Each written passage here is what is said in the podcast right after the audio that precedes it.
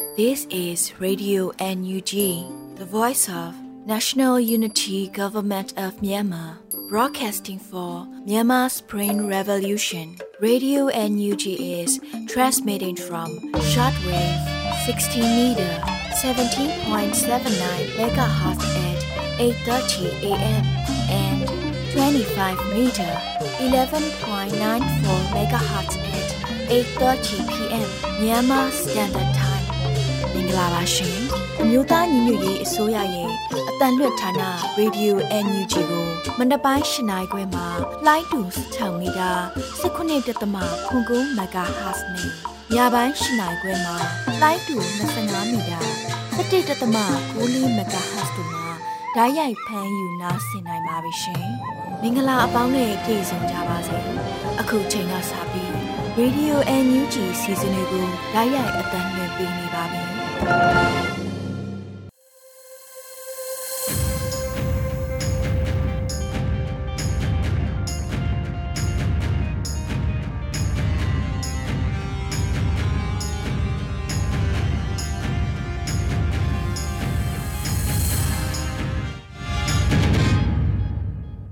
င်္ဂလာညချမ်းပါရှင်ပြည်တွင်းသတင်းများကိုတင်ပြပေးသွားမှာပဲဖြစ်ပါတယ်ကျွန်မကတော့ຫນွေဦးမွန်ပါ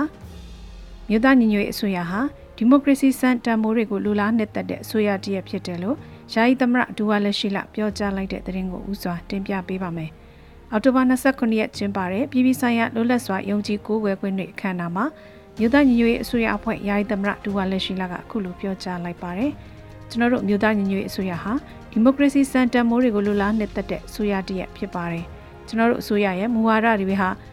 ဒီမိုကရေစီသဘောတရားနဲ့ပြည်ပဆိုင်ရာလူသားအခွင့်အရေးကျညာစာရန်နဲ့ညီဒီမိုကရေစီမူတွေပေါ်မှာအခြေခံပြီးအုံမြင့်တိဆောက်ထားပါတယ်လို့ဆိုပါတယ်။ဒါအပြင်မြန်မာနိုင်ငံဟာမတူကွဲပြားတဲ့ဒေသဆုံးလူဖွဲ့စည်းဖြစ်ပြီးတော့လွတ်လပ်စွာအမြင်သဘောထားကွဲလွဲခွင့်ကိုလေးစားလိုက်နာတဲ့လူအဖွဲ့အစည်းဖြစ်မှသာလျှင်မတူညီသောအမှတ်တရုပ်တွေကိုပြည်ထောင်စုစနစ်ဖက်ဒရယ်စနစ်နဲ့စုစုစည်းစည်းတည်ဆောက်ရမှာဘေးရွက်ဆိုးကျိုးနည်းနိုင်လိမ့်မယ်လို့ယာယီသမရကထပ်လောင်းဆိုပါတယ်ရှင်။ ဆီယနာရှင်ရဲ့သွေးခွဲသက်ရှူမှုတွေကိုကြံ့ကြံ့ခံတွန်းလှန်နိုင်ရမယ်လို့ပြည်ထောင်စုဝန်ကြီးဦးတင်ထွန်းနိုင်ပြောဆိုတဲ့အကြောင်းအရာကိုလည်းဆက်လက်တင်ပြပေးပါမယ်။အောက်တိုဘာ29ရက်နေ့လူမှုကွန်ရက်မှာပြည်ထောင်စုဝန်ကြီးဦးတင်ထွန်းနိုင်ကအခုလိုရေးသားပြောဆိုခဲ့ပါတယ်။အာနာရှင်ကိုအမြင့်ဖြတ်ဆုံးသက်နေကုန်းချုပ်စေခြင်းရင်ကျွန်တော်တို့ရဲ့အစူးစီးညီညွတ်မှုဟာခဏတာမဟုတ်ပဲထာဝရဆိုတာသက်သေပြုရမယ်။သွေးခွဲသက်ရှူရက်ဆက်ယုံမှမှုတွေကိုကြံ့ကြံ့ခံတွန်းလှန်နိုင်ရမယ်လို့ဆိုပါတယ်။ လက်ရှိမှာကျန်းဖတ်စစ်ကောင်စီဟာ၎င်းတို့ရဲ့ဝါဒဖြန့်ရုပ်သံများမှတစ်ဆင့်သတင်းတုသတင်းမှားများကိုထုတ်လွှင့်ကပြည်သူလူထုကိုလိမ့်လဲလှည့်ပြလျက်ရှိပါတယ်ရှင်။ ICJ နဲ့ ICC တရားရုံးများအနေနဲ့မြန်မာပြည်သူများရဲ့အတန်ကိုနားထောင်ပေးစေလိုကြောင်းကုလသမဂ္ဂမှတမတ်ကြီးဦးကျော်မိုးထွန်းပြောကြားတဲ့အကြောင်းအရာကိုလည်းဆက်လက်တင်ပြပေးကြပါမယ်။အောက်တိုဘာ29ရက်89ကြိမ်မြောက်ကုလသမဂ္ဂအထွေထွေညီလာခံရဲ့22ကြိမ်မြောက်မျက်နှာစုံကြီးအစည်းအဝေးမှာပြည်ပဆိုင်ရာတရားရုံးစီရင်ခန့်စာနဲ့ပတ်သက်ပြီးဆွေးနွေးရမှာ တမတ်ကြီးဦးကျော်မိုးထွန်းကအခုလိုတိုက်တွန်းပြောကြားခဲ့တာဖြစ်ပါတယ်။နိုင်ငံတကာတရားရေးစနစ်ကပြိပခတ်ဖြစ်ပွားနေတဲ့နိုင်ငံတနိုင်ငံရှိဒီမိုကရေစီအားစုများကိုအားလျော့စေပါကရင်းချင်နေသည့်အနေရရှိကြောင်းနဲ့ထို့သောဖြစ်ပေါ်လာပါကပြည်ပဆိုင်ရာဥပဒေ၏ယုံကြည်ရမှုပေါ်တန်တရားဝင်လာနိုင်စေကြောင်းထို့ကြောင့် ICJ နဲ့ ICC တို့အနေဖြင့်မြန်မာပြည်သူများ၏အတန်ကိုနားထောင်ပေးစေလိုကြောင်းနဲ့နစ်နာခဲ့ရသူများအတွက်တရားမျှတမှုဆောင်ကျဉ်ပေးရန်တောင်းဆိုလိုတယ်လို့တမတ်ကြီးကဆိုပါတယ်။ ဒါအပြင်2016နဲ့2019ခုနှစ်တို့မှာစစ်စင်ရေးများပြုလုပ်နေစဉ်ရိုဟင်ဂျာများကိုဦးတည်ခဲ့သောစစ်တပ်ရဲ့ရက်ဆက်ကြမ်းကြုတ်မှုများပေါ်ခိုင်မာသောကြားနာစစ်ဆေးမှုများအတွက်တရားမျှတမှုစောင့်ကြည့်ပေးရန်တောင်းဆိုလိုတယ်လို့တမန်ကြီးကဆိုပါတယ်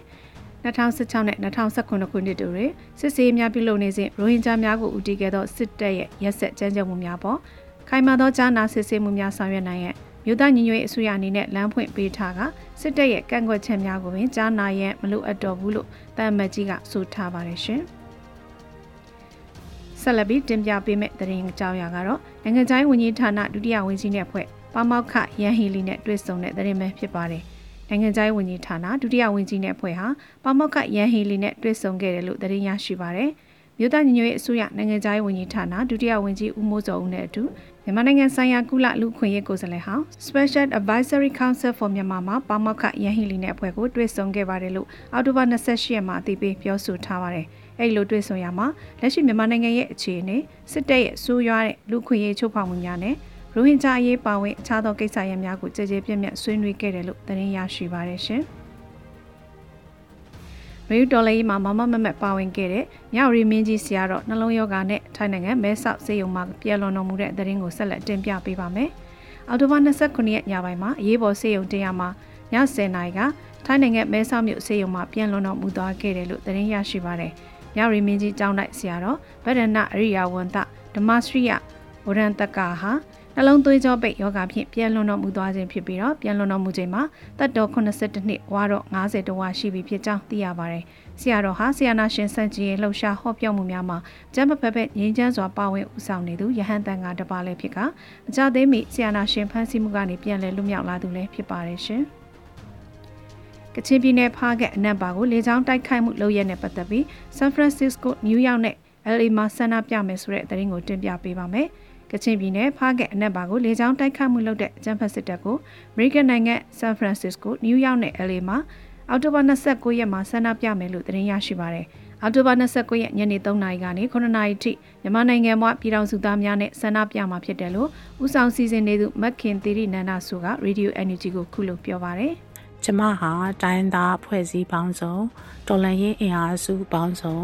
ပါဝင်တဲ့ Alliance for Democracy in Myanmar ဆိုတဲ့အဖွဲ့ကိုဖွဲ့စည်းတည်ထောင်တဲ့သူတူဖြစ်ပါတယ်။ကျမတို့ Alliance for Democracy in Myanmar အင်အားစုကြီးနဲ့တိုင်းသားပေါင်းစုံစုစည်းပြီးတော့ဆွေးနွေးတိုင်ပင်ကြပြီးတဲ့အခါမှာယခုလာမယ့်အောက်တိုဘာ29ရက်နေ့စနေနေ့မှာ ဆန်ဖရန်စစ္စကိုရဲ့မြို့တော်ခမ်းမရှိမှာညနေ3နာရီကနေည9နာရီအထိယခုလက်တလောအောက်တိုဘာ23ရက်နေ့မှာကချင်ပြည်နယ်တွင်မတရားဘုံကျဲပြီးတော့ပြည်သူလူထုကိုရရဆက်ဆက်တပ်ဖြတ်ခဲ့တဲ့စစ်ကောင်စီရဲ့ရက်ဆက်ကြမ်းကြုတ်တဲ့လောက်ရက်တွေအပေါ်မှာရှုံချတဲ့ဆန္ဒပြပွဲကိုပြုလုပ်သွားမှာဖြစ်ပါတယ်ရှင်။ ကချင်ပြည်နယ်ဖားကအနက်ပါကိုလေကြောင်းတိုက်ခိုက်မှုလုပ်တဲ့ကျန်းဖက်စစ်တပ်ကိုလက်တလုံးမှာအမြဲဆုံးအေးအေးယူဖို့မြန်မာသမက်ကြီးဦးကျော်မိုးထွန်းကလည်းကုလသမဂ္ဂမှာတောင်းဆိုထားပါတယ်ရှင်။ဒရိုက်တာကိုပေါက်ရိုက်ကူသောမတောင့်မီသောမိုးခရဲ့ရုပ်ရှင်ဂျာမနီမှာလည်းပြသမယ်ဆိုတဲ့သတင်းကိုတင်ပြပေးပါမယ်။လာမယ့်အောက်တိုဘာ30ရက်နေ့ဂျာမနီနိုင်ငံဖရန်ဖို့မြို့မှာဒရိုက်တာကိုပေါက်ရိုက်ကူသောမတောင့်မီသောမိုးခရဲ့ရုပ်ရှင်ဇာတ်ကားကိုပြသသွားမှာဖြစ်တယ်လို့ CRPH Supporting Germany ကဒေါ်သိငီလွင်5ကပြောပါတယ်။ မင်္ဂလာပါရှင်နိုင်ငံတကာမှာဒရိုက်တာကိုပေါက်ရိုက်ကူးသော မတောက်မိသောမိုးခါရီရုပ်ရှင်ကို ပြသနေသလိုကျမတို့ဂျာမနီမှာလည်းမကြခင် ပြသတော့မှာဖြစ်ပါတယ်ဒီရုပ်ရှင်နောက်ွယ်ကဖန်တီးသူအသိပညာရှင်အတတ်ပညာရှင်တွေအားလုံးကိုလည်းဂုဏ်ပြုပါတယ်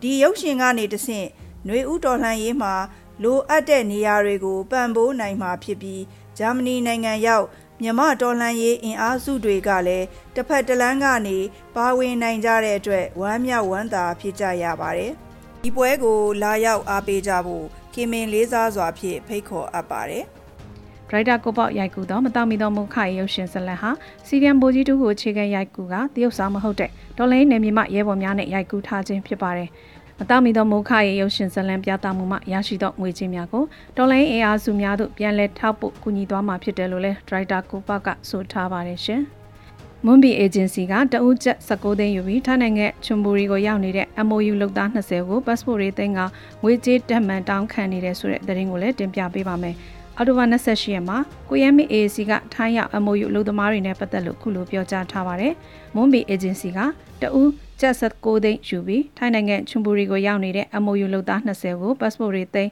စာအုပ်ယူခြင်းရဲ့ဘတ်3500တောင်းနေတယ်။ကျန်းဖတ်စစ်ကောင်စီတွေကအာဏာသိမ်းထားခြင်း MOU လူပို့နေတဲ့ agency တွေအနေနဲ့ဝေမျက်နှာတစ်ခုတည်းမကြည့်ပါနဲ့။တာဝန်ယူမှုတာဝန်ခံမှုရှိပါ။လုံသမားတွေကိုရောင်းကုန်လို့သဘောမထားပါနဲ့လို့ဆိုထားပါတယ်။ AAC ဖွဲ့ဟာထိုင်းရောက်မြန်မာလုံသမားများအရေးကိုဖြည့်ရှင်းဆောင်ရွက်နေတဲ့အဖွဲ့အစည်းဖြစ်ပြီးတော့ NUG အစိုးရလုံသမားဝန်ကြီးဌာနနဲ့လည်းချိတ်ဆက်ဆောင်ရွက်လျက်ရှိပါတယ်ရှင်။ ခုတင်ပြခဲ့တဲ့သတင်းတွေကိုတော့ Radio NUG သတင်းတောက်မင်းမင်းကပေးပို့ထားတာဖြစ်ပါတယ်ရှင်။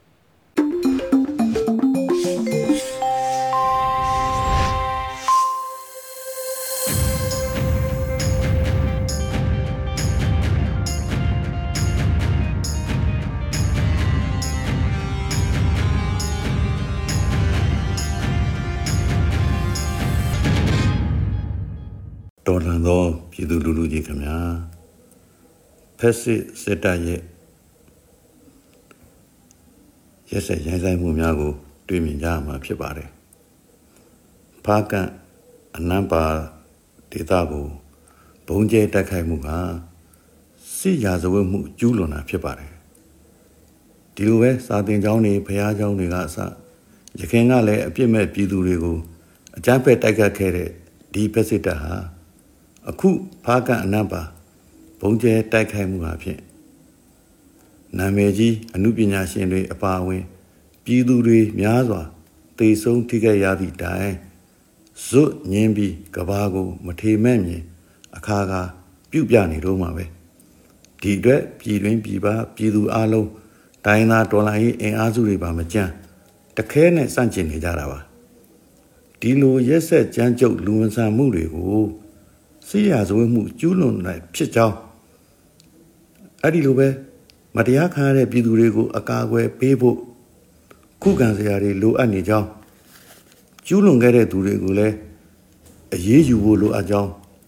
ဒါကဘာကိုသိစေဖို့ကျွန်တော်တို့နီလန်းပေါင်းစုံနဲ့အတိပေးနှိုးဆော်ရပါမယ်စစ်အာဏာရှင်ကိုစန့်ကျင်တိုက်ပွဲဝင်နေတဲ့တော်လှန်ရေးအင်အားစုအားလုံးဟာတကွဲတပြားထင်းချောင်းများလို့မနေပဲထင်းစည်းလို့ ပေါင်းစုနေတယ်ဆိုတာပြရမှာပါပဲလက်ချောင်းတွေတစ်ချောင်းချင်းအချိုးမခံပဲလက်တီးကြစ်ကြစ်စုပ်ဗျိုင်းတူဝိုင်းတိုက်ရမယ်အချိန်ခါပဲဖြစ်ကြောင်းတန်ပြိုင်ဟိရမယ်အချိန်ပါပဲဒါကြောင့်ဒီလှုပ်ရှားမှုမှာတပိတ်နီလန်းပေါင်းစုံအပါအဝင်ပေါ့ကိုပါဝင်နိုင်တဲ့နီလန်းတွေကိုရွေးပြီးစွမ်းသမျှပါဝင်ကြဖို့ကဘာတိအောင်ကဘာသုံးတင်ကေတာတွေနဲ့တခဲနဲ့ညီချောင်း ပြကြပါစို့ခင်ဗျာ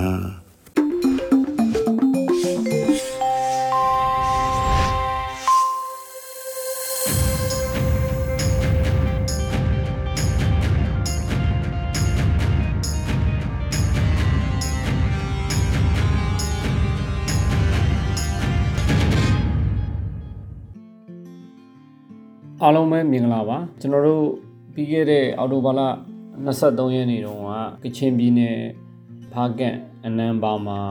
ပြစ်မဲ့တဲ့ရသားပြည်သူတွေပေါ့ပြည်သူတွေအများစုအကြမ်းဖက်စစ်တပ်ရဲ့လေကြောင်းကနေတဆင်ဘုံကျဲတိုက်ခိုက်မှုခံလိုက်ရပြီးတော့အသက်ဆုံးရှုံးခဲ့ရတယ်ပေါ့နော်ဒါကိုကျွန်တော်တို့တနိုင်ငံလုံးမှာရှိရတဲ့တော်လန်ပြည်သူတွေကဝမ်းနဲ့ပူဆွေးကြရတယ်ပေါ့အဲ့ဒါနဲ့တစ်ဆက်တည်းမှာပဲ ဒီလေကြောင်းတိုက်ခတ်မှုဂျီနိုဆိုက်လို့ဖြစ်စဉ်မျိုးပေါ့နော်ပြီးပြီးသွားတဲ့နောက်မှာတစ်ဆက်တည်းထွက်ပေါ်လာတာတွေကကျွန်တော်တို့ရဲ့ဟိုတော်လိုင်းရေးကိုတွေးကွဲစေမဲ့ကိစ္စတွေပေါ့ဥမာဟိုလေရင်ပြညက်ကင်ကိစ္စတွေနောက်ပြီးတော့ဒီ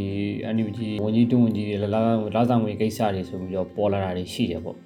အဲ့မှာ လေကြောင်းကနေပြီးတော့မှတိုက်ခိုက်ခံရတဲ့အခါမျိုးမှာလင်းပြလက်နက်တွေဘယ်ရောက်နေလဲပေါ့နော်ရမုံငွေတွေဘယ်ရောက်သွားတယ်လုံးဝလောက်ခံရပြီလားဆိုတာမျိုးတွေပေါ့ဖွားတဲ့သူတွေကဖွားကြကျွန်တော်ပွဲဖြစ်ကြတယ်ပေါ့နော်ပွဲပွဲတွေဖြစ်တယ်နောက်နောက်ဆုံးရသတင်းတွေရဆိုရင်ဒီ NUG ဝန်ကြီးတဝန်ကြီးတွေလာကငွေယူတယ်ပတ်6000ဆိုတဲ့ကိစ္စတွေပေါ့နော်ဒါမျိုးတွေဖြစ်လာတယ်အဓိကကတော့စစ်ကောင်စီစစ်တပ်ပေါ့နော်အကြမ်းဖက်စစ်တပ်ကဖြန့်နေတဲ့ဝါဝါဒဖြန့်တာတွေပေါ့စိုက်ဝါးတွေပေါ့အဓိကတော့ တော်လန်ရေးကိုမှေးမိန်တော့အောင်ကျွန်တော်တို့ဒီ NUG ရဲ့ကုန်သိက္ခာတွေပုံရိပ်တွေကြာဆင်းအောင်ပြည်သူတွေထင်အောင်ထင်မှဖြစ်အောင်ဆိုပြီးတော့အဲလှုပ်ဆောင်နေရတယ်ပေါ့ဒါတွေကိုကျွန်တော်တို့ပြည်သူတွေကတတိကြီးကြီးထားဖို့လိုအပ်ပါတယ်ပေါ့ဟုတ်ပါတယ်အဲ NUG နဲ့ပတ်သက်ပြီးပြောမှဆိုလို့ရှိရင် NUG ဘာလို့လုံးမှန်တယ် NUG ဝေဖန်လို့မရဝေဖန်ရင်ဒလန်ပဲဆိုတာမျိုးလည်းမဖြစ်သင့်ဘူးပေါ့မဖြစ်သင့်ဘူးကျွန်တော်တို့ကကိုယ့်ရဲ့အစိုးရပြည်သူတွေရွေးချယ်တင်မြှောက်ထားတဲ့အစိုးရဖြစ်တော့ကြောင့်မလို့ ကောင်းတယ်ဆိုးတယ်မှားတယ်မှန်တယ်လိုအပ်တာတွေကိုဝေဖန်ထောက်ပြပိုင်ခွင့်ရှိရမယ်ဝေဖန်ထောက်ပြလို့လည်းရတယ်ပေါ့တစ်ဖက်မှာလည်းဝေဖန်ထောက်ပြတဲ့နေရာမှာလည်းကျွန်တော်တို့ကစေတနာမှန်ဖို့လိုတယ်ပေါ့နီးစနစ်မှန်ကန်ဖို့လိုတယ်ကျွန်တော်တို့ဝေဖန်တာနဲ့ဖောင်းထူတာနဲ့ကမတူဘူးပေါ့ဝေဖန်နေဆိုတာက criticize လုပ်တယ်ခေါ်တယ်ဝေဖန်ခြင်းမှာနှစ်မျိုးနှစ်စားရှိတယ်ပေါ့အပြုသဘောဆောင်တဲ့ဝေဖန်မှုဆိုရင် constructive criticism ဆိုပြီးခေါ်တယ်ပေါ့သူက အကျိုးအကြောင်းအချက်လက်ကိုအခြေခံတယ်ပေါ့ first base အဲဝေဖန်မှုပေါ့နော် criticism ပေါ့အဲ့ဒါ constructive criticism ဖြစ်တယ်သူ့မှာစေတနာပါတယ်ကောင်းသိခြင်းနဲ့ရည်ရွယ်ချက်ရှိတယ်ပေါ့နောက်တစ်ခုက destructive criticism အပြတ်သဘောဆောင်တဲ့ဝေဖန်မှုပေါ့သူကတော့အချက်လက်မပါဘူးသူကတော့ကောလာဟာလာတွေဒီခိုင်မာမှုမရှိတဲ့ချက်လက်တွေကိုပေါ့နော်အဲ့ဒါတွေနဲ့ခေါက်ချက်ချပြီးတော့ဝေဖန်ဆွဆွဲတိုက်ခိုက်တာပေါ့နော်ဒါ destructive criticism အပြတ်သဘောဆောင်တယ် သူကစေတနာမပါဘူးမနာလိုဝန်လိုစိတ်တွေပါတယ်ပြိုလဲပျက်စီးသွားတဲ့ခြင်းရည်ရွယ်ချက်နဲ့လှုပ်ဆောင်တာမျိုးပေါ့နော်လိမ့်ယုံတက်တက်ပေါ့ဒါမျိုးတွေရှိတယ်အဲ့ဒါမျိုးကျွန်တော်တို့ကဒီ NUG ကိုလိုအပ်တာတွေအားနည်းချက်တွေကိုထောက်ပြပြောဆိုဝေဖန်လို့ရပါတယ်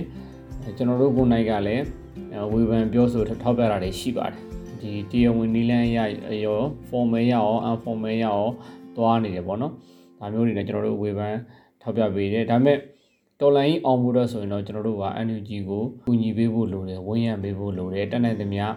အဲပူပေါင်းဆောင်ရွက်ဖို့လိုတယ်ပေါ့နော်ပြည်သူတွေကိုလည်းအဓိကအကြံပြုချင်တာက Facebook ပေါ်မှာတွေ့သမျှမြင်သမျှစာတွေကိုမယုံကြည်ကြဖို့လိုပါတယ်ပြီးတော့ရင်မ share ကြဖို့လိုတယ်ပေါ့မလိုအပ်ဘဲနဲ့အဲ့လိုမျိုးတွေ့သမျှမြင်သမျှသတင်းတွေကိုဒီ post တွေကိုဖတ်ဖတ်ပြီးတော့ဒီအချက်လက်ခိုင်းလို့မှုရှိလားမရှိလားအကောင့်အကောင့်တွေကိုမစီစစ် ဒီရေးတင်တဲ့သူဖြန့်တဲ့သူဟာဘယ်ကနေဘလို့လူလဲဘယ်ကဘလို့ရတယ်လဲဆိုတော့မခိုင်ပါပဲ share ကြပြုကြတယ်မလိုအပ်ဘဲနဲ့သတင်းတွေဖုံးအဲကိစ္စတွေကပွဲဖြစ်သွားတယ်အခုဆိုရင်ဒီလင်းပြေကိစ္စနဲ့ငှက်ကင်ကိစ္စရဲ့ NUG အားသာငွေကိစ္စနဲ့နှစ်ခုရောထွေးလိုက်တဲ့အချိန်မျိုးမှာစစ်ကောင်စီရဲ့ရရဆက်ဆက်ရသားပြည်သူတွေကိုဘုံကျဲတဲ့ကိစ္စဒီ KIO KIA နေမြေချင်းပြည်နယ်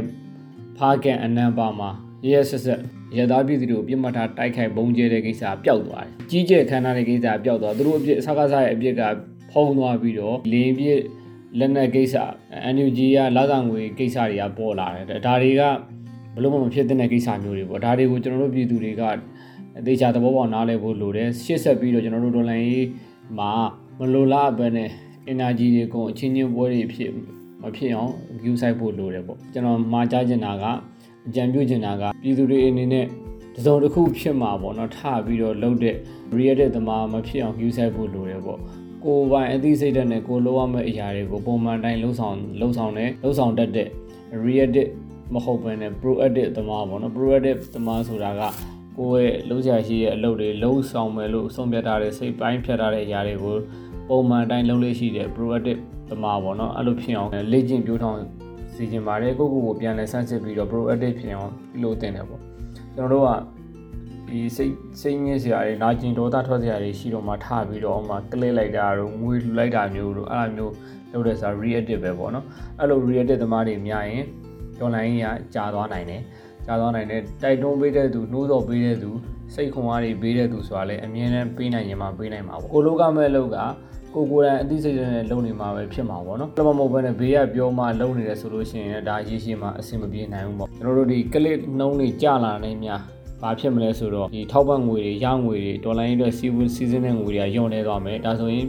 အဲမြေပြင်ကရဲဘော်တွေပို့ပြီးတော့ခက်ခဲကြက်တဲသွားမယ်ဒါပါပဲပေါ့နော်။မြေပြင်ကရဲဘော်တွေခက်ခဲကြက်တဲမယ်ငတ်ပြတ်လာမယ်ဆိုလို့ရှိရင်ထောက်ပံ့နေမယ်ကြီးဘိုးတွေနေလာမယ်ဆိုရင်သူတို့ကအကြရှုံးမှုများတယ်ပေါ့အဲ့တော့ကျွန်တော်တို့က သူတို့ရဲဘော်တွေကြာရှုံးတော့မှ RMB ဆိုပြီးတော့ order မျိုးထက်ကျွန်တော်တို့လုံနိုင်တဲ့ဟာတွေကိုဝိုင်းကူလုပ်ပြီးဥမာကလစ်တာမျိုးငွေလူတာမျိုးလုပ်ပြီးပို့ပြီးတော့ထိရောက်တဲ့အကျိုးရှိတာဖြစ်ပါတယ်အဲ့တော့ reactive သမားမဖြစ်အောင် proactive သမားဖြစ်အောင်လှုပ်ဆောင်သင့်တယ်နောက်တစ်ချက်ကကိုယ်စိတ်ကိုကြန့်ခိုင်အောင်လှုပ်ဆောင်သင့်တယ်ပေါ့နော်ဘသူဘာပြောပြောဘသူကဘလို့ပဲချင်းချာချင်းချာဘလို့ပဲဆိုင်ဝါးတွေလှုပ်လှုပ်အဲ့နောက်မှာ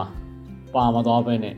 ကိုကစိတ်သက်ကြံ့ခိုင်တဲ့သူတယောက်ဖြစ်အောင်ကြိုးစားတင်တယ်ဘယ်လိုမျိုးစိုက်ဝါပဲဖြစ်ဖြစ်ဘယ်လိုပဲ motivation ပဲဖြစ်ဖြစ်တက်မသွားဘူးကြမသွားဘဲနဲ့ပုံမှန်တသက်မှတ်သေးဖြစ်နေအောင်လေ့ကျင့်ပြောထောင်းတင်တယ်လို့အကြံပြုချင်ပါတယ်ကျွန်တော်တို့ဆက်လက်ပြီးတော့အောင်မွန်ရသည့်အထိ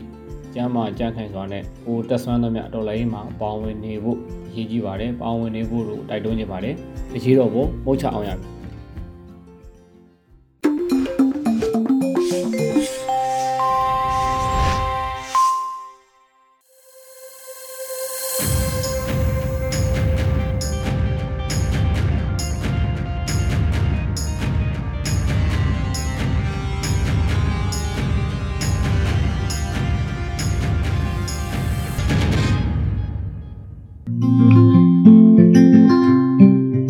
အောင်ဆန်းရဲ့နမိတ်စကား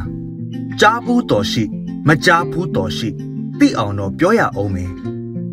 နှမတွေများတော့ရောက်ဖတွေများမယ်ဒါကတဘာဝတရားငါစကားပါရောက်ဖတွေကောင်းရင်တော်ရဲ့မကောင်းလို့ကြိမ်ဆဲနှမလည်းထိအောင်မယ်တပုံတွေများတော့လေစစ်သားတွေများမယ်ဒါလည်းတဘာဝတရားငါစကားပါပဲစစ်သားတွေပူတော့ စစ်ဘိုလ်တွေဖောင်းပွားမကောင်းလာဘူးပေါ့အောင်ဆန်းလို့စစ်ဘိုလ်ဆိုတော်လေရဲ့နေဝင်းလို့ဆိုရင် လူမျိုးပါနာမယ်ကျုံးပင်တွေများရင်လေရောက်ဖတွေများတတ်တယ်ကျုံးကြောက်ကြုံဖြစ်မယ်ကြုံဖူးတယ်ဟုတ်ကြောက်မြက်ယရနာများတော့လေရောက်ဖတွေများတတ်တယ်ကြောက်ကြောက်ကြုံဖြစ်ပုံကြုံဘူးတယ်ဟုတ်ကြောက်မြတ်ဆိုတာမျိုးဟာကန်ဆိုးတဲ့အခါခိုက်တက်ပါတဲ့ ကြောက်ဆိုတာကြောက်เสียတမျိုးပဲကြောက်ပေါက်နာစွဲရင်တော့တေရင်လဲတေမတေရင်တင့်မျက်နာကြောက်ပေါက်နာအမာရွတ်နဲ့ဝတ်ခံရမယ်ကြောက်တက်ရင်ဝန်ကင်းတဲ့ကြောက်ရင်လွဲရဲမင်းဖြစ်တဲ့မင်းဖြစ်တာမသေးချာလို့သေတာလည်းရှိတယ်ဗျာတစ်တီတူတောက်တဲ့နဲ့တီကောင်းဆိုတာဗမာမှာပေါ်မှာပေါ်စနေနံ၃မျိုးကိုတို့လူမျိုးမကြိုက်ပေမဲ့တရုတ်တွေကြိုက်တဲ့ ကလားကမဝယ်လဲတရုတ်ကဝယ်တဲ့ရေချိုရေငန်းနှစ်နိုင်ငံမြန်မာတွေပိုင်တဲ့ရေချိုရေငန်းပေါ်ရင်လဲရောက်ဖပေါ်တဲ့တဲတောင်မြစ်ချောင်းကလည်းကောင်းမှကောင်းပေါ်မှပေါ်ရောက်ဖပေါ်မဲ့နမိတ်တဘောတဲနဲ့ရေကိုရွှေလူရောင်းရတဲ့ရောက်ဖလောင်ရှာရင်စစ်ဘူသာရှာပေရောစစ်ဘူတွေရောင်းလို့တဲချောင်းဟာရွှေချောင်းဖြစ်တဲ့ မင်းမှလည်းနှမနဲ့ငါမှလည်းနှမနဲ့သူ့မှလည်းနှမနဲ့ရောက်ဖကိုရောင်းလို့မရပေမဲ့ရောက်ဖကစစ်ဘူဆိုရင်နှမကိုရောင်းရောင်းအမကိုရောင်းရောင်းရောင်းတိုင်းရလို့ရတိုင်းရောင်းတဲ့ရောင်းရမှာတွန့်တော်ရင်ငါလိုကငါနိုင်ငံခြားဈေးကွက်မှာမြန်မာမတွေဈေးရတဲ့တို့အစိုးရရဲ့ဗမာထွက်ကုန်ဂုံယူစရာတပါစပားနဲ့မချပဒံများနဲ့လည်းမချ နွားနဲ့လည်းမချဘူးပေါ့ဥအောင်ဆန်းရဲ့ရွှေပါဇက်နမိတ်ဖတ်ခဲ့ပါတော့ကောနောက်အခါနှစ်ပေါင်း20ကြာရင်ဗမာနိုင်ငံဟာဘာနိုင်ငံဖြစ်မတဲ့လေခုအခါနှစ်ပေါင်း20ကြာတာနှခါမကသုံးခါတောင်ကြပေါ့တို့ကောင်းဆောင်ကြီးပြောခဲ့တာ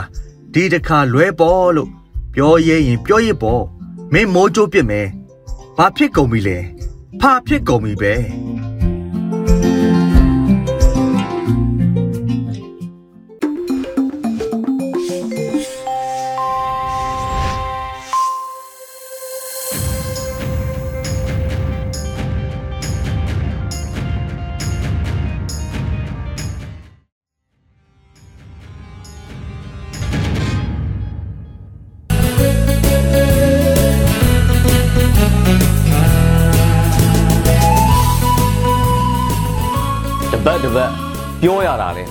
ပေါ့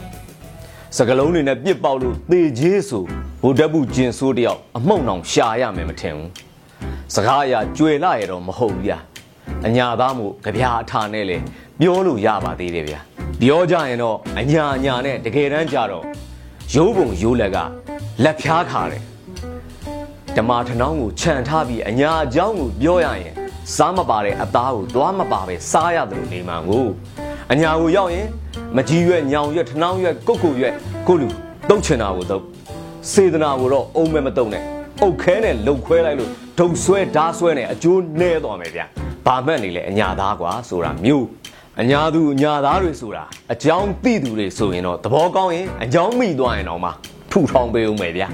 အေးအကြောင်းမသိလို့သဘောဆိုးရင်တော့ကြောကွဲပြီလားမှတ်ပြီတော့ အလူပြောဒီသလိုဝုန်းကနေဒိုင်းကနေနဲ့အတုံးလဲဖြစ်ကုန်ကြရတာတော့စစ်ခွေးတင်ကြိုင်စကိုင်းတိုင်းဆိုတာအညာပဲလေဗျအသားညိုတလေးမှုစကားပူလီလဲမပြောနဲ့ဗျထက်เสียရှိရင်လဲဓားလို့ထက်တဲ့သူကြီးဗျရေနောက်တလေးမျက်ချောက်တလေးလဲမပြောနဲ့ပျောက်เสียရှိရင်ကြက်ပြောက်ငှက်ပြောက်ပျောက်ရောပဲအညာသူညာသားတွေဆိုတာချစ်ရင်လဲအသေးဆွဲအောင်ချစ်ကြတယ်မိုးရင်လဲခဲတစ်ပြစ်တောင်မှလှဲ့မကြည့်ကြတော့ဘူးအခုကြည့်စစ်ဆိုလို့ရှိရင်ရေစစ်တောင်မှမသုံးတော့တဲ့နာကြီးချက်တွေနဲ့ထိုက်ပွဲဝင်နေကြတာလေ အဲအိမ်ပြန်လာတဲ့စစ်သားကိုတနက်မရှိလို့ဓားနဲ့လက်တကန်းဝင်ထိုးတက်သွားတာလဲအညာသူပါပဲဗျကဲဘလောက်ကြာတာမှတ်လို့ဓာတော်မှငကူရုပ်ချောတာထဲမပြောသေးဘူးအပြိုပေါ်တာလည်းထဲမပြောသေးဘူးတနခါပေါ်တာလည်းထဲမပြောသေးဘူးကျန်တကာပေါ်တာလည်းထဲမပြောသေးဘူးနှစ်ဖက်ခွင်းနဲ့ထရွက်တဲမှာလက်ဖက်ပွဲနဲ့ထညက်ခဲနဲ့ပွဲတော်တဲပြီးလေတိုးလာရင်ရင်နွေးလေးအသာငှဲ့ပြီးတော့တိုက်ပွဲဝင်နေရတာကလည်းအညာရဲ့အရသာပဲလေ အညာကိုလာမရှင်နဲ့တာတင်နဲ့တွေ့သွားမယ်ဆိုတဲ့အညာလေးတန်နဲ့ဆက်ပြောရရင်လေကျန်းဖို့ဥက္ခရတန်သေးကိုလမ်းဘေးဖြုတ်ချပြီးတော့ခင်ကြီးကိုချီတင်ပြီးတော့ဝင်နေဆိုတဲ့အဘအဲ့ဒီဗုဒ္ဓဘူးကျင်ဆိုးမေလို့ဘပေါ့နိုင်ငံတော်အာဏာကိုလည်းသိမ့်တယ်ဒင်းတို့ရဲ့ပါတီအာဏာကိုလည်းသိမ့်တယ်ဖះရွှေခွာထာပနာကိုလည်းဖောက်သိမ့်တယ်အိမ်ယာချမ်းမြေကိုလည်းချိတ်ပိတ်သိမ့်တယ်ဒေါ်လာဆိုတာကိုလည်းသိမ့်တယ်အကုန်သိမ့်တယ် နောက်ဆုံးသိန်းစရာမကြမ်းရင်အဘအဘနဲ့ရတာခံပြီးခေါ်နေကြတဲ့ဘောမတွေရဲ့စမူစာပလာတာတွေပါအကုန်သိမ့်ပါမယ်တချို့တွေမြန်သိမ့်ခံမှန်းကြောက်လို့ပြေးသူပြေးပုံးသူပုံးကုန်ညပြီဗျရိုဘတ်မှာစောင်းမတပုတ်ပါလာတယ်ဗျမြန်မာနိုင်ငံကခရိုနီတွေစင်ကာပူမှာအခြေချနေပြီဆိုတဲ့အကြောင်းပဲမောင်ရင်ကတိကိုမူတီပြီးရေးထားတူပါတယ်မောင်ရင်ကတိကလည်းစန်ဒိုဇာမှာဒေါ်လာ15သန်းတန်ဗေလာတစ်ခုကိုဝယ်ထားကြောင်း ဒေါ်လာတွေကိုခီးဆောင်အိတ်နဲ့တည်ပြီးတော့အနီးနားကဆန်ဒိုဇာကက်စီနို MBS ကက်စီနိုတွေမှာသွားခဲ့လေရှိကြောင်းသို့တော့ဒီနေ့ကစလို့ကစားဝင်းပိတ်လိုက်ကြောင်းပိတ်လိုက်တာမှငတိအတွက်တက်တာသွားကြောင်းနှုတ်မို့ဆိုလို့ရှိရင်ကိုမီဝိုင်းမှာတခါတည်းနဲ့ဒေါ်လာတန်း80လောက်ရှုံဘူးကြောင်းဖရာဘီဒဇင်မာစီဒီဒဇင်အိမ်ရှိမှာအမြဲတမ်းထိုးထားကြောင်းဘာညာတာရကပေါ့ဗျာဘယ်လာဝဲတယ်ဆိုတာကလည်းသူ့လေရောမရောက်ရင်ရောမလို့ကြင့်မုံရပါလေ မလေးရှားမေဘန်မာကနေတဆင့်အကျွေးယူပြီးတော့ဝယ်ထားတယ်ဗျာတကယ်တော့ဒါတွေကကြာခဲ့ပါပြီဒီဘက်ကလည်းဗုဒ္ဓဘူးကျင်ဆိုတက်ခါစားမှာလေရင်ပြန်နေသုံးဝင်ရမလားဆိုပြီးရုရှားကိုဥအောင်သွားပြီးတော့လမ်းခင်းသေးတာနေရရွှွန့်ပေဗုဒ္ဓဘူးကျင်ဆိုးနဲ့တွေ့ပြီးခီးစိတ်သာဆုံးပါသွားလို့စင်ကာပူမှာလာဥနေကြတာလေဗုဒ္ဓဘူးကျင်ဆိုးကလည်းစိတ်မထင်မထင်သလိုစိသွားမှလေတကယ်ကခရိုနီအများစုကဆန်ရှင်မိတာရောမမိတာရောအားလုံးကစင်ကာပူမှာနေကြတာပါပဲ ခုချိန်ကခရိုနီအားလုံးကြောက်နေရတာကဗိုလ်တပ်ဘူးကျင်ဆိုးမို့လားဗိုလ်တပ်ဘူးကျင်ဆိုးနဲ့ဝေးရဘူးပြေးကြတော့တာပဲလေဆန်ရှင်တွေဘလောက်ပဲထားထားနာမည်လွဲတွေနာမည်ခံနေနဲ့လှုပ်ရှားနေတော့ခရိုနီတွေကမဖြုံဘူးပေါ့ဗျာဒီကောင်တွေကသာလွတ်နေတာဒီကောင်တွေမှုေခဲ့တဲ့ဒဏ်ကိုမြန်မာတန်နိုင်ငံလုံးခံရတော့မယ် FADF ကမြန်မာပြည်ကို blacklist သွင်းလိုက်ပြီးအစိုးဆုံးအနေဖြင့်မြန်မာဆိုတဲ့စကားလုံးပါလာရင်တော့မှ international banking transition မှာအကုန်ပိတ်ခံရမယ် ခြေနေထိလို့ဖြစ်နေပြီဘလောက်ပဲပြင်းပြင်းထန်ထန်နဲ့အရေးယူအောင်မလဲဆိုတာကတော့မှန်းလို့မရနိုင်သေးဘူးပေါ့ဗျာဒီတကြောမှာထူးခြားတာကစင်ကာပူပဲ FADF မှာသူကအတန်အသင့်ဩဇာကညောင်းတယ်ရှေ့အစဉ်ဆက်မှာတော့သူကကာစီကာစီလုတ်ပေးခဲ့ပုံရပါတယ်ဒီတစ်ခါမှာတော့သူကိုယ်တိုင်ရဲရဲတောက်ဥဆောင်ပြီးပိတ်ဆို့ဖို့လုပ်ခဲ့တာပဲစစ်ကောင်စီရဲ့ financial ဘူးမှာစင်ကာပူမှာဖြစ်နေတဲ့အတွက်စစ်ကောင်စီရောဘောမတအုပ်ရောကြေကြေတုံအောင်ဖြစ်နေကြပြီတော်လန်ရေးထောက်ပံ့အင်အားစုတွေလည်း ရင်တထိတ်ထိတ်နေပေါ့ဗျာမြည်တို့ပင်စိုးစေးကမူရလက်ကောင်းတစ်ခုကတော့ဗိုလ်တပ်ဘူးကျင်ဆိုးကြောက်ရမ်းရမ်းကားမှုကသူ့လည်းပင်သူကြိုးကွင်းစွတ်တော့တာပဲအခုဆိုဖားကန်းဘက်မှာတချင်းဆိုဖျော်ပြဝဲလုပ်နေတဲ့ကချင်အစိုးရတွေနဲ့ပြည်သူတွေကိုည8နာရီ30မှာတိုက်လေရင်3စင်းနဲ့ဘုံကျဲတိုက်ခိုက်ရန်ကားတက်ဖြတ်မှုကြောင့်ပြည်သူအများပြသေကြေပျက်စီးခဲ့ရတယ်။အဲ့ဒီနာကြီးခံစားချက်တွေကနေမှပူပေါင်းတိုက်ကြပါစို့ဆိုပြီးတိုက်ပွဲခေါ်တယ်နေတော်တော်ညံလာပါပြီ။ဒီဘက်တော့ ခုမင်းကိုနိုင်ကြပြလေးနဲ့ပဲအဆုံးသက်လိုက်ကြအောင်ဆိုရဲ့ကြပြကောင်းစဉ်ကထူးတန်ကောင်းငင်ပြစင်းရွေးခဲ့တာပဲခဏနိုင်လှော်နိုင်မေးခဲ့တာပဲလေးနေမဲ့ဆိုရင်လဲရွက်သင်းမောတွေကတိုက်သင်းမောဖြစ်နိုင်တာပဲလေမိုးချင်းတည်းမြဆိုရဲလို့ပင်လေကြီးဖြစ်နေတာကြာပေါ့ဒီမြေချစ်ချင်းအကြောင်း အရှိုးရာတွေနဲ့စလုံးပေါင်းထားတဲ့ကြောမြင်တွေတယောက်တည်းကြည်ရင်အတူတက်ကြနေတာပေါ့ရေးတော့အောင်လို့အောင်ရမယ်ဒီကနေ့ကတော့ဒီညနေပဲ Radio NUG ရဲ့အစီအစဉ်လေးကိုခေတ္တရ延လိုက်ပါမယ်ရှင်မြန်မာစံတော်ချိန်မနေ့၈နိုင်ခွဲနဲ့ည၈နိုင်ခွဲအချိန်တွေမှာပြောင်းလဲဆိုပြကြပါလို့ရှင် Radio NUG ကို မနေ့ပိုင်း၈နိုင်ခွဲမှာလိုင်းတူ16မီတာ19.7ခုခုမဂါဟတ်နဲ့ညပိုင်း၈နိုင်ခွဲမှာလိုင်းတူ25မီတာ17.6မဂါဟတ်တို့မှာဓာတ်ရိုက်ဖမ်းယူနာဆင်နိုင်ပါပြီရှင်။မြန်မာနိုင်ငံသူနိုင်ငံသားများကိုစိတ်နှဖျားစမ်းမချမ်းသာလို့ဘေးကင်းလုံခြုံကြပါစေလို့ Radio NUG ရဲ့ဖွဲ့သူဖွဲ့သားများကဆုတောင်းလိုက်ရပါတယ်။ San Francisco Bay Area အခြေစိုက်မြန်မာမိသားစုများနဲ့နိုင်ငံတကာကစေတနာရှင်များလို့အားပေးများရဲ့ Radio NUG ဖြစ်ပါတယ်ရှင်။အရေးတော်ပုံအောင်ရမည်။